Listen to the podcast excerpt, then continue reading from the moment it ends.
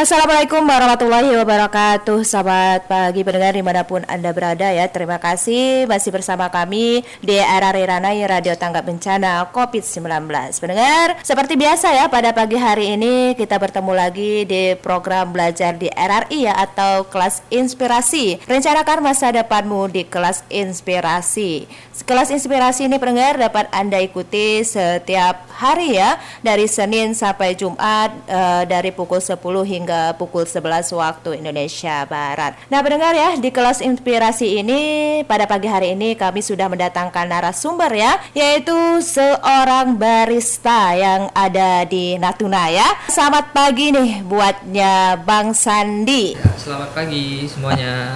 Apa kabar nih Bang pada pagi hari ini? Alhamdulillah sangat-sangat baik. Ya, sehat ya Bang ya.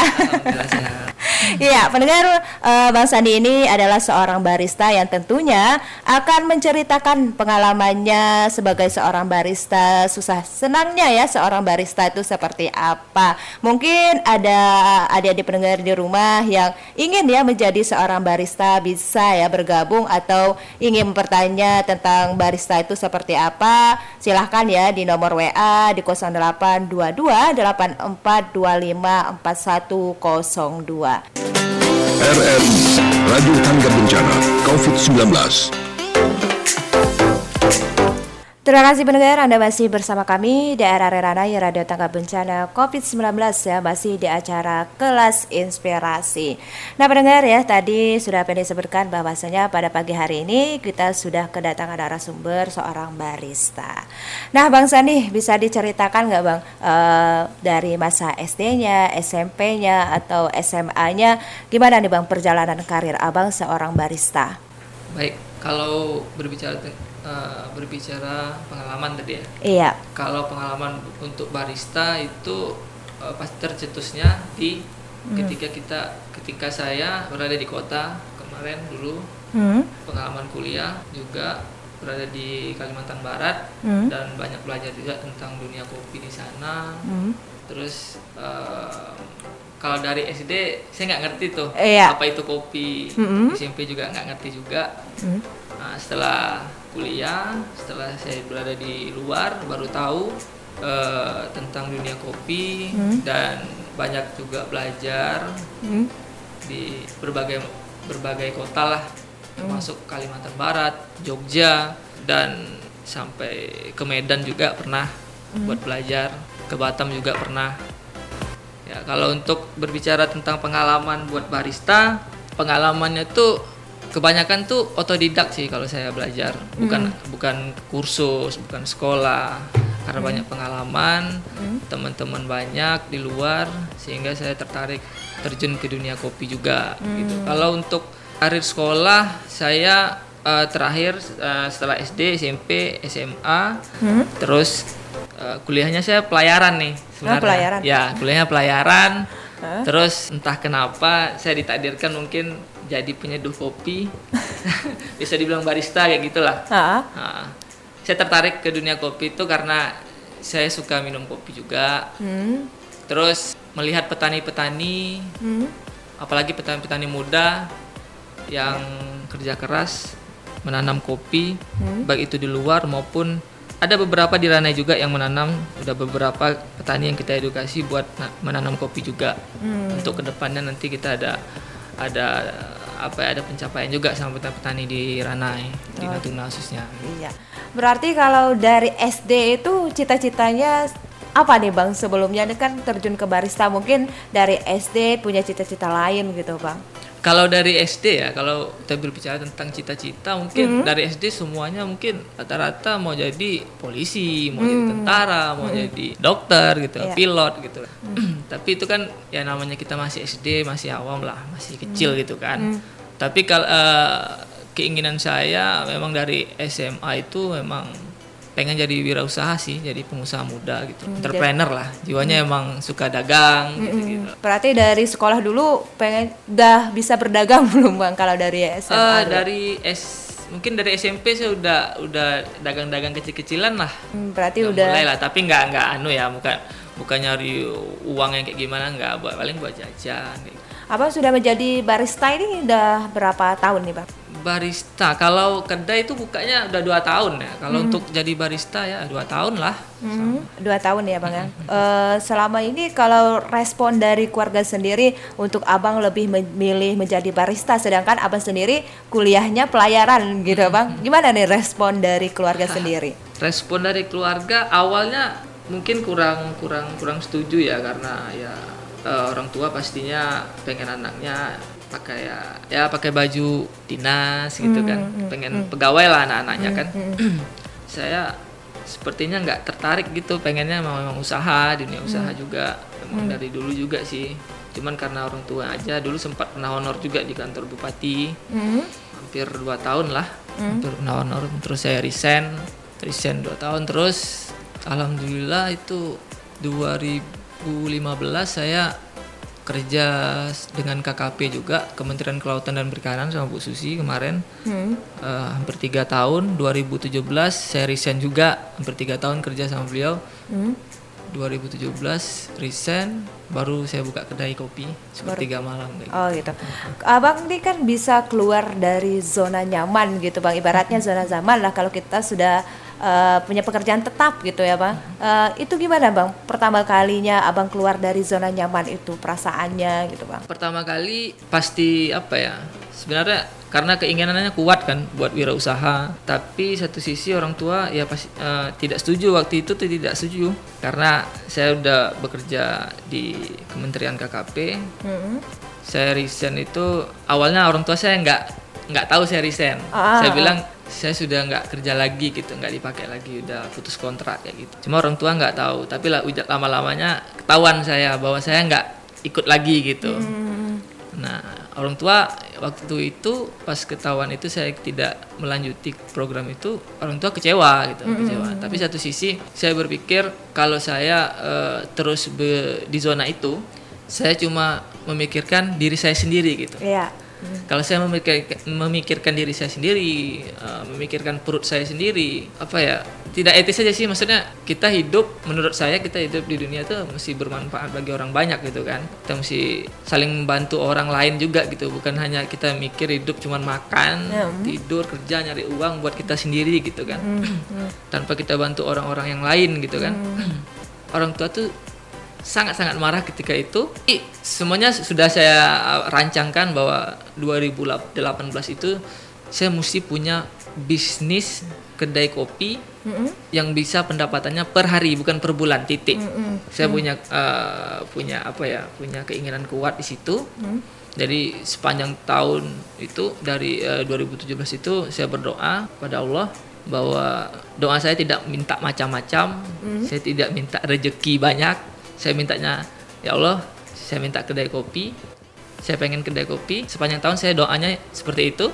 Saya mintanya satu, saya tidak minta eh, banyak-banyak. saya mintanya pokok 2018 saya mesti punya kedai kopi yang pendapatannya per hari titik. Karena eh, mungkin saya sukanya seni ya, seni apa pun seni jenis seni saya saya senang. Nah jadi eh, perjalanan 2017 itu saya membangun kedai kopi itu sebenarnya nggak ada modal saya. Kalau orang berbicara tentang modalnya besar buka kedai kopi, menurut saya itu kalau kita mulai bisnis ya, karena ini udah pengalaman saya nih mem- Ya. membangun sepertiga malam itu tidak ada mikir eh, ngumpulin modal sebesar besarnya tidak, Mm-mm. tapi niat. Saya baru sadar bahwa bisnis eh, buka usaha kecil kayak gitu bukan kita cari modal dulu gitu. Kalau kita untuk mulai bisnis mesti ngumpulin modal, kita nggak bakalan bikin bisnis gitu. Yang penting niat, tekad memang bulat sih. Maksud sepanjang tahun tuh kita mesti berusaha, kita mesti muter otak tuh gimana caranya. Kita mesti punya target nih. Dalam satu tahun, bulan pertama, kedua, ketiga, pas pencapaiannya 2018 awal tahun, kita mesti punya eh, saya mesti punya kedai kopi loh gitu. Jadi setiap bulannya saya saya rancangkan bahwa saya harus ngapain gitu. Modal membangun usaha itu sebenarnya kecil saya. Sebenarnya nggak ada modal itulah nekat, niat tadi kan sangat sangat kuat itu sangat sangat kuat. Saya berdoa kepada Allah di jam-jam sepertiga malam itu makanya saya bikin nama sepertiga malam itu. Banyak orang yang mengira sepertiga malam itu adalah apa ya? Adalah jam buka tutupnya itu sampai Aduh, subuh gitu. iya. Tapi salah, salah. Banyak orang yang bilang kayak gitu. Saya kadang heran juga kita bikin nama kayak gitu, cuman filosofinya di apa ya orang sembarangan gitu ngomongnya, masa oh tutupnya sekian gini, gitu kan. Padahal kita bangun itu jadi payah kita juga sangat-sangat menurut saya itu bukan inspirasi banyak orang ya maksud saya itu. Sepertiga malam tuh setidaknya tuh menginspirasi diri saya sendiri gitu. Nah, karena tercetusnya kedai sepertiga malam itu kan di jam-jam sepertiga malam. Saya bingung nih di Ranai. Ya tahulah kita kerja di pemerintahan berapa gajinya dulu sangat-sangat eh, apa ya kalau untuk diri sendiri mungkin itu pun tidak cukup menurut saya gitu kan Iya. apalagi kita mau bantu orang tua gitu kan jadi sepanjang malam itu di sepertiga malam itu saya merenung berdoa sholat malam meminta di situ. Menurut saya itu kenapa saya bikin nama sepertiga malam itu adalah menurut saya saya agama Islam Muslim sepertiga malam itu menurut saya itu adalah senjata terbaik bagi saya gitu. Saya mau minta apa pun di sepertiga malam itu bakalan dikabulkan gitu. Kayak senjata wow gitu. Maksudnya kita mau minta apa pun siapa pun mau yang minta di sepertiga malam insya Allah bakalan dikabulkan. Tapi diiringi kerja keras dan berdoa. Sepertiga malam tuh filosofinya waktu yang tepat introspeksi dan inspirasi, bukan buka tutupnya gitu. Kita tutupnya sebenarnya jam 11.30 kita udah tutup. Dari awal buka kita udah tutup. Cuman ketika 11.30 kita kadang udah close order nggak bisa pesan lagi. Mungkin ada yang beberapa yang duduk juga di filosofinya itu waktu yang tepat introspeksi dan inspirasi. Hmm, berarti setelah abang keluar dari honor gitu ya bang ya sampai saat ini jadi pengusaha berarti ada kepuasan tersendiri nggak bang gitu? Dengan pencapaian hingga saat ini atau ada rasa menyesal gitu bang? oh tidak. Saya sekarang udah bersyukur saya eh, karena alhamdulillah saya sekarang udah seperti ini gitu udah bisa membantu keluarga juga di rumah. Ya alhamdulillah sekarang udah lumayan lah dari segi penghasilan udah alhamdulillah udah bisa bantu orang tua udah bisa untuk diri sendiri juga meskipun tidak banyak tapi adalah gitu kan. Hmm, mungkin ada ide-ide baru lagi yang saya akan saya luncurkan nanti selain kedai kopi atau apa gitu. Nanti udah saya planning juga ke depannya bagaimana. Insya Allah nanti kita akan berkembang terus lah mudah-mudahan lah amin Iya. Jadi abang ini sekaligus punya kedai kopi dan sekaligus seorang barista di situ ya bang ya? iya iya iya. Berarti merangkap semuanya. rangkap semuanya. Sejauh ini bang eh, untuk di kedai kopi abang sendiri eh, sudah ada karyawannya nggak bang gitu? saya bukan kalau di kedai itu nggak ada karyawan partner aja saya Oh, partner nggak ya. ada anak buah di situ Lebih Kita akrab gitu ya? Saya kalau dibilang anak buah tuh saya agak sensitif juga saya gitu. Mm, tapi partner gitu. Kita kerja sama-sama nggak ada anak buah nggak ada bos di situ nggak ada. Jadi derajatnya sama kita manusia itu sama gitu. Mm, paling yang pemiliknya ya saya gitu. Tapi kalau pekerjanya ya kita sama. Pas Supaya- nobar ya sama. Supaya ada rasa saling memiliki gitu Ya, Bang, ya, Hmm. ya. Kalau untuk abang sendiri kan meracik kopi itu kan bukan hal yang mudah juga ya bang ya. Ya, Ini abang sendiri belajarnya kayak gimana? Apakah abang sama kuliah tadi ada ambil kursus atau memang selama berada di luar kota pernah melihat temennya bikin kopi atau gimana bang? Kalau kursus sih tadi saya bilang dari awal saya tidak ada kursus. Ya. Tapi penting sih ngambil lisensi itu kayak sertifikat barista gitu kan. Tapi orang punya sertifikat belum belum tentu loh bisa bikin kopi gitu. Mm, Ya kan? Ada Ya. orang yang otodidak yang paham tentang kopi tapi dia tidak punya sertifikat gitu. mm, Tapi ke depan next ke depan saya bakal ngambil sertifikat itu gitu. mm. Berarti abang belajarnya secara otodidak, Otodidak. gitu ya bang? Saya banyak eh, melihat saya. Saya banyak melihat, menyimak rata-rata tuh kalau saya keluar Ranai, saya pasti mainnya di kedai kopi. Saya selalu selalu melihat tadi, mengamati, banyak bertanya sama eh, owner-ownernya, baik itu owner maupun baristanya. Dari situlah saya belajar pelan-pelan, pelan-pelan karena niat yang kuat tadi Iya. karena niat yang kuat kayaknya saya bisa jadi seorang ya bisa dibilang bisa dibilang barista lah penyeduh kopi lah intinya Kalau orang nggak ngerti barista ya itu penyeduh kopi Iya. ya bang ya. Heeh. penyaji kopi itu barista tuh bahasa Itali itu Mm-mm. Iya. Tapi penyeduh kopinya pun nggak sembarangan juga ya bang ya, karena kopi yang dihasilkan pun akan lebih eh, mempunyai ciri khas sendiri ya bang ya. iya ya setiap biji kopi set- eh, kopi yang sama kalau metode penye- penyeduhannya yang berbeda itu bakalan beda rasa saya jamin itu Iya. kalau nggak percaya nanti teman-teman boleh ke kedai gitu Iya. satu jenis kopi yang sama terus eh, cara penyeduhan yang berbeda bakalan berbeda juga rasanya Kalau untuk eh, kopinya sendiri nih, abang dapat dari mana? Soalnya kan di Natuna sendiri seperti kita ketahui, kalau untuk petani kopinya agak kurang gitu bang. Oh ya, kalau di di Natuna khususnya di Rana ya, kalau petani kopi itu saya belum ketemu sih. Katanya tuh ada di daerah Cemaga gitu. Dulu produksinya banyak, cuman sekarang kayaknya sudah tidak terawat lagi. Mungkin mungkin bisa jadi di harga, bisa jual mereka nggak tahu eh, jaringannya di mana atau kualitas kopi kita di sini agak kurang bagus gitu kan. Biji kopi kita ngambilnya karena eh, konsep kita single origin ya, kopi-kopi original di kedai itu jarang konsisten masalah uh, mendatangkan ke- uh, biji kopi gitu. Jadi kita pengennya misalnya macam-macam nih. Misalnya saya ngambilnya dari Bali, Ya. Papua, Flores, Aceh, Toraja, uh, Kerinci, uh, bagian Sumatera, Jawa, Pulau Jawa, pokok banyak lah berbagai macam biji kopi yang kita pernah masukkan di kedai. Nah, terus dari mentah kita memang kita sortir, maksudnya uh, kita pilih juga, pilih yang bagus, yang berkualitas. Nah, terus nanti kita biasanya kita roastingnya di Jogja. Nanti kirim nyampe Jogja, Ja- dari Jogja baru kita roasting. Habis roasting baru eh, kirim ke Batam, Batam, Natuna. Kayak gitu. Berarti Ada dari- beberapa ya, tidak hanya Jogja, dari Jakarta pun distributor dari Jakarta dan di Batam juga yang banyak sangat-sangat banyak membantu kita untuk pemilihan-pemilihan biji kopi yang berkualitas. Terima kasih pendengar Anda masih bersama kami di RRI Ranai Radio Tangga Bencana COVID-19 masih di program belajar di RRI yaitu kelas inspirasi. Nah pendengar tadi kita sudah membahas ya terkait dengan perjalanan karir seorang Bang Sandi ini sebagai seorang barista. Nah kita akan lanjutkan lagi ya di kelas inspirasi pada pagi hari ini. Kalau untuk eh, dukanya dulu deh menjadi seorang barista itu kayak gimana tuh Bang? Dukanya kalau menjadi seorang barista tuh ketika saya buka eh, kopi shop di Ranai, eh, jual single origin, kopi-kopi man- eh, kopi-kopi original dan konsepnya manual brewing. Itu pertama orang sini sudah biasa minum kopi bubuk, Iya. kopi yang instan gitu kan, yang harganya ya ekonomis gitu, murah. Tantangan juga buat saya jual kopi yang kayak gini, kayak yang original, yang yang berbagai macam daerah saya masukin di sini. Harganya kan lumayan juga itu Ya. lumayan. per gelas itu rata-rata 20 ke atas lah satu gelas gitu. Baik itu kopi. Macam-macam metode lah yang yang ada di kedai itu. Orang sini tuh belum belum apa ya masih awam lah. Ada beberapa lah yang udah paham ada yang nggak tahu juga gitu kan. Tapi alhamdulillah ada beberapa orang yang datang ke kedai banyak nanya gitu ini mesti kayak gimana sih bang? Kok eh, kok kopinya bikinnya kayak gini? gitu kan.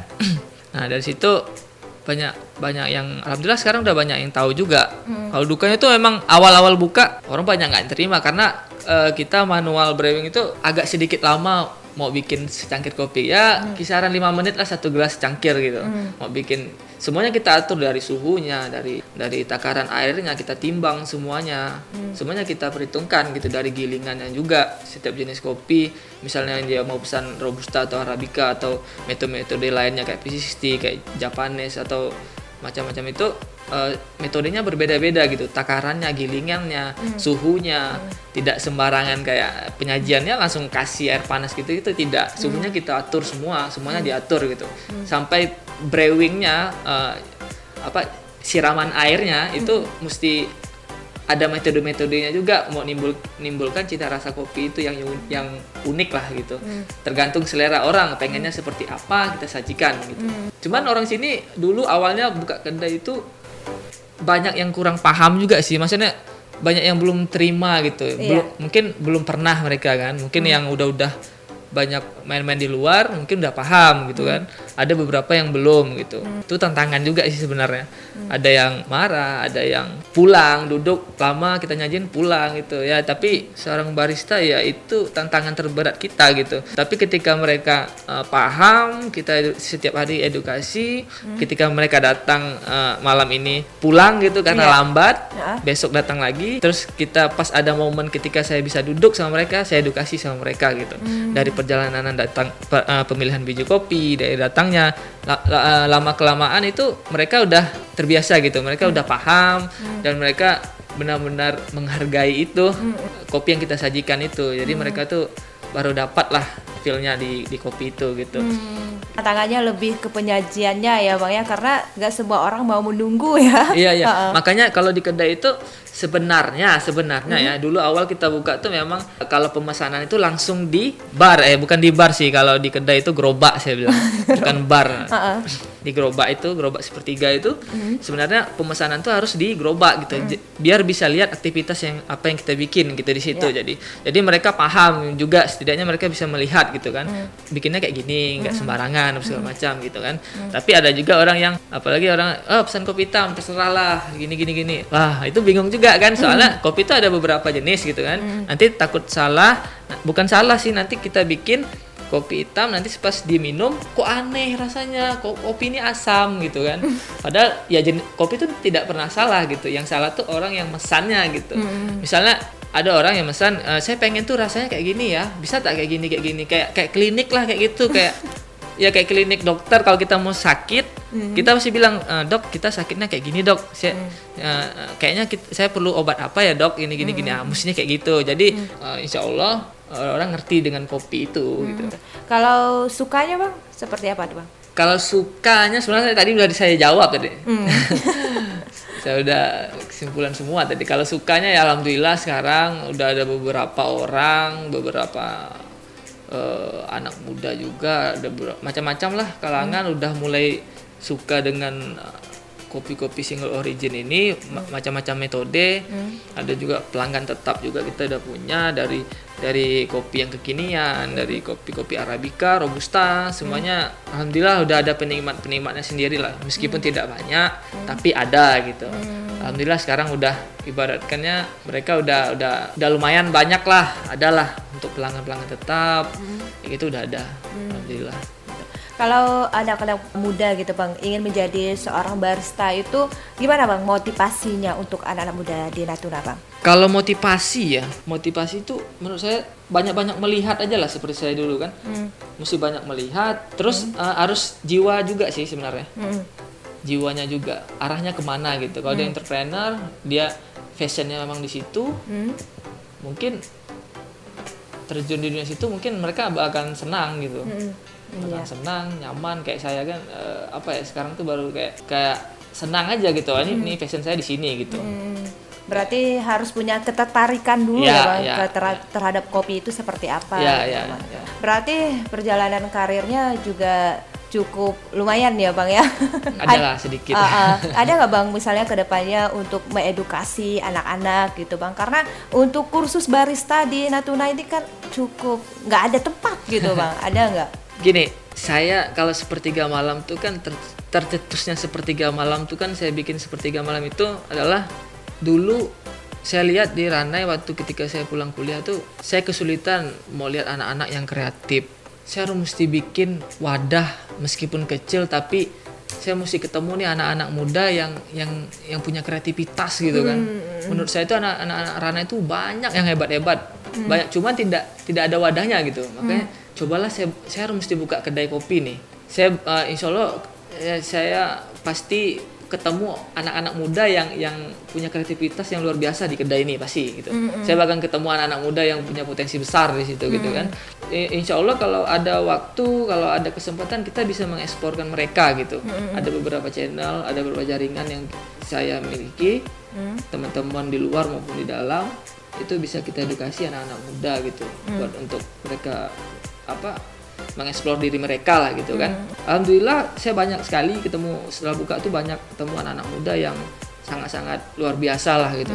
Sangat-sangat luar seni banyak seniman-seniman muda di Rana itu yang punya potensi gitu Iya. sebenarnya. Banyak sekali. Baik itu di seni lukisan, baik itu macam-macam lah macam-macam. Ketemu tadi petani muda juga saya Iya. bilang kan saya cerita sedikit dengan petani muda tadi udah ketemu juga sama petani wow kok di Rana ada petani muda yang yang luar biasa gitu. Oh ini ada anak muda yang yang punya eh, apa ya punya eh, karya lukisan yang luar biasa gitu sebenarnya. Ya kan? Sangat-sangat luar biasa sih menurut saya. Natuna tuh banyak harta karunnya gitu. Terutama anak-anak mudanya luar biasa Iya, asal didukung aja ya bang ya. Iya. Heeh, asal berani juga kalau untuk buka usaha ya. Iya, iya. Heeh.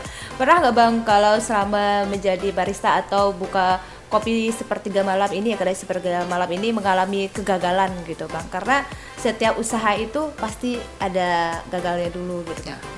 Kegagalan. Kalau menurut saya itu kegagalan tuh dari kita sendiri sih mm sebenarnya. Mm. mesti siap gitu maksudnya gagal itu biasa menurut saya. Saya kalau buka usaha sepertiga malam ini mungkin yang kelima gitu. Oh ya udah yang ke, udah satu yang empat. Alhamdulillah hmm. uh, bisnis pertama kedua tiga empat alhamdulillah gagal. Hmm. dan sekarang sepertiga malam gitu, hmm. dan saya banyak banyak kayak banyak kisah lah. Maksudnya banyak pengalaman juga ya, banyak ilmu juga yang saya dapati di situ. Hmm. kalau saya memikirkan berapa uang yang saya habiskan mungkin saya stres juga kan? Makanya kalau saya ini orangnya gagal ya udah ngapain pikir-pikir ya buat lagi gitu. Gagal ya buat lagi gitu. Ngapain kita pikirin gitu. Maksudnya mikirin kalau udah udah nggak ada udah ya udah gitu nggak perlu dipikirin buat buat hal baru lagi cari ide baru cari ide baru gitu. Berarti usaha yang pertama tadi uh, ini kan yang kelima yang pertama tadi berarti memang kopi juga ya bang? Yang enggak enggak enggak, enggak. itu apa tuh? Macam-macam. Dulu saya kuliah tuh sambil berdagang juga saya, saya dulu ya dulu karena apa ya kayak senang aja gitu ketika mm. orang beli produk kita tuh kayak kayak senang aja gitu apalagi orang suka gitu senang aja gitu dulu mikirnya nggak nggak nyari untung gimana cuman mm. kalau orang udah beli produk kita tuh kayak oh kita nih berhasil nih jualin jualin produk ini gitu mm. Menurut kita tuh biasa tapi orang menurut orang tuh luar biasa gitu kan senang gitu. Dulu saya gorengan sih awal awal kuliah yeah. dulu. Pernah sama teman-teman yuk kita buka usaha yuk sambil kuliah. Malamnya kita buka gorengan tempat ngumpul juga sih teman-teman gitu kan biar ada hiburan juga gitu kan. Yeah. mengisi bisa ngerjain tugas bisa usaha bisa dapat uang juga di situ kan. Hmm. itu yang pertama yang kedua tuh saya jadi karena Vespa dulu saya jual motor klasik dulu pernah juga beberapa juga suka nyari ide sih ya gimana caranya nyari uang gimana caranya nyari uang itu saya mikirin dulu hmm. kuliah gitu hmm.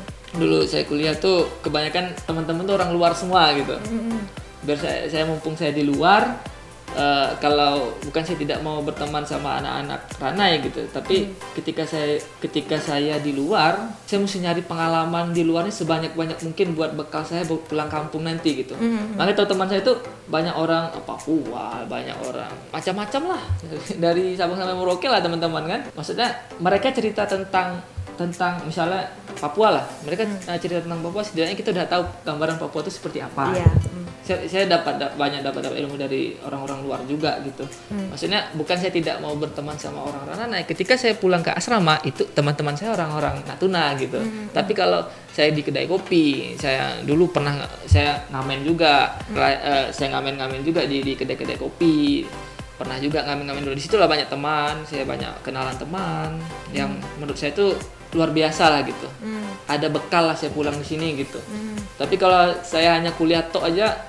mungkin kuliah makan kuliah tidur asrama makan kuliah asrama mungkin saya udah kerja kapal mungkin mungkin saya udah di berlayar di mana ya kan ya. Ah, gitu kalau yang ketiga itu apa tuh bang tadi apa? kan uh, usaha tadi kan yang pertama kan gorengan yang kedua kan ah. ya Vespa yang ketiga itu apa tuh bang usaha yang sebelumnya sempat gagal gitu bang? Saya dulu yang ketiga ya. Iya. Dulu pernah rumput laut juga, cuman hmm. skala kecil gitu. Hmm, hmm. Cuman gagal tapi nggak terlalu besar lah modalnya. Hmm. Cuman saya coba-coba-coba ternyata uh, pasarnya ya mesti besar sih, maksudnya hmm. modal mesti besar. Hmm. Saya dulu jaringan belum ada, investor belum belum banyak kenal segala macam gitu kan. Hmm. Kita mesti nyari buyer di luar gitu kan. Hmm. Lagipun rumput laut ini harganya kan tergantung dolar kan naik turun. Sekali naik naik tinggi sekali turun buk anjlok kan. Mm-hmm. itu yang makanya saya bilang oh, udah gagal. Mm. gitu. Yang keempat terakhir itu ternak ikan saya. Oh, saya suka ngawinin ngawinin ikan ikan terutama ikan darat lah ikan mas ikan koi itu senang saya. Mm. saya ngawinin ikan saya pijahin ikan itu senang saya. Hmm. terakhir nih yang sepertiga malam. Kalau kan sempat uh, gagal gitu bang. Motivasi apa nih yang buat diri sendiri abang untuk bangkit lagi? Karena untuk pindah ke usaha lain itu kan pasti punya motivasi gitu bang. Itu apa?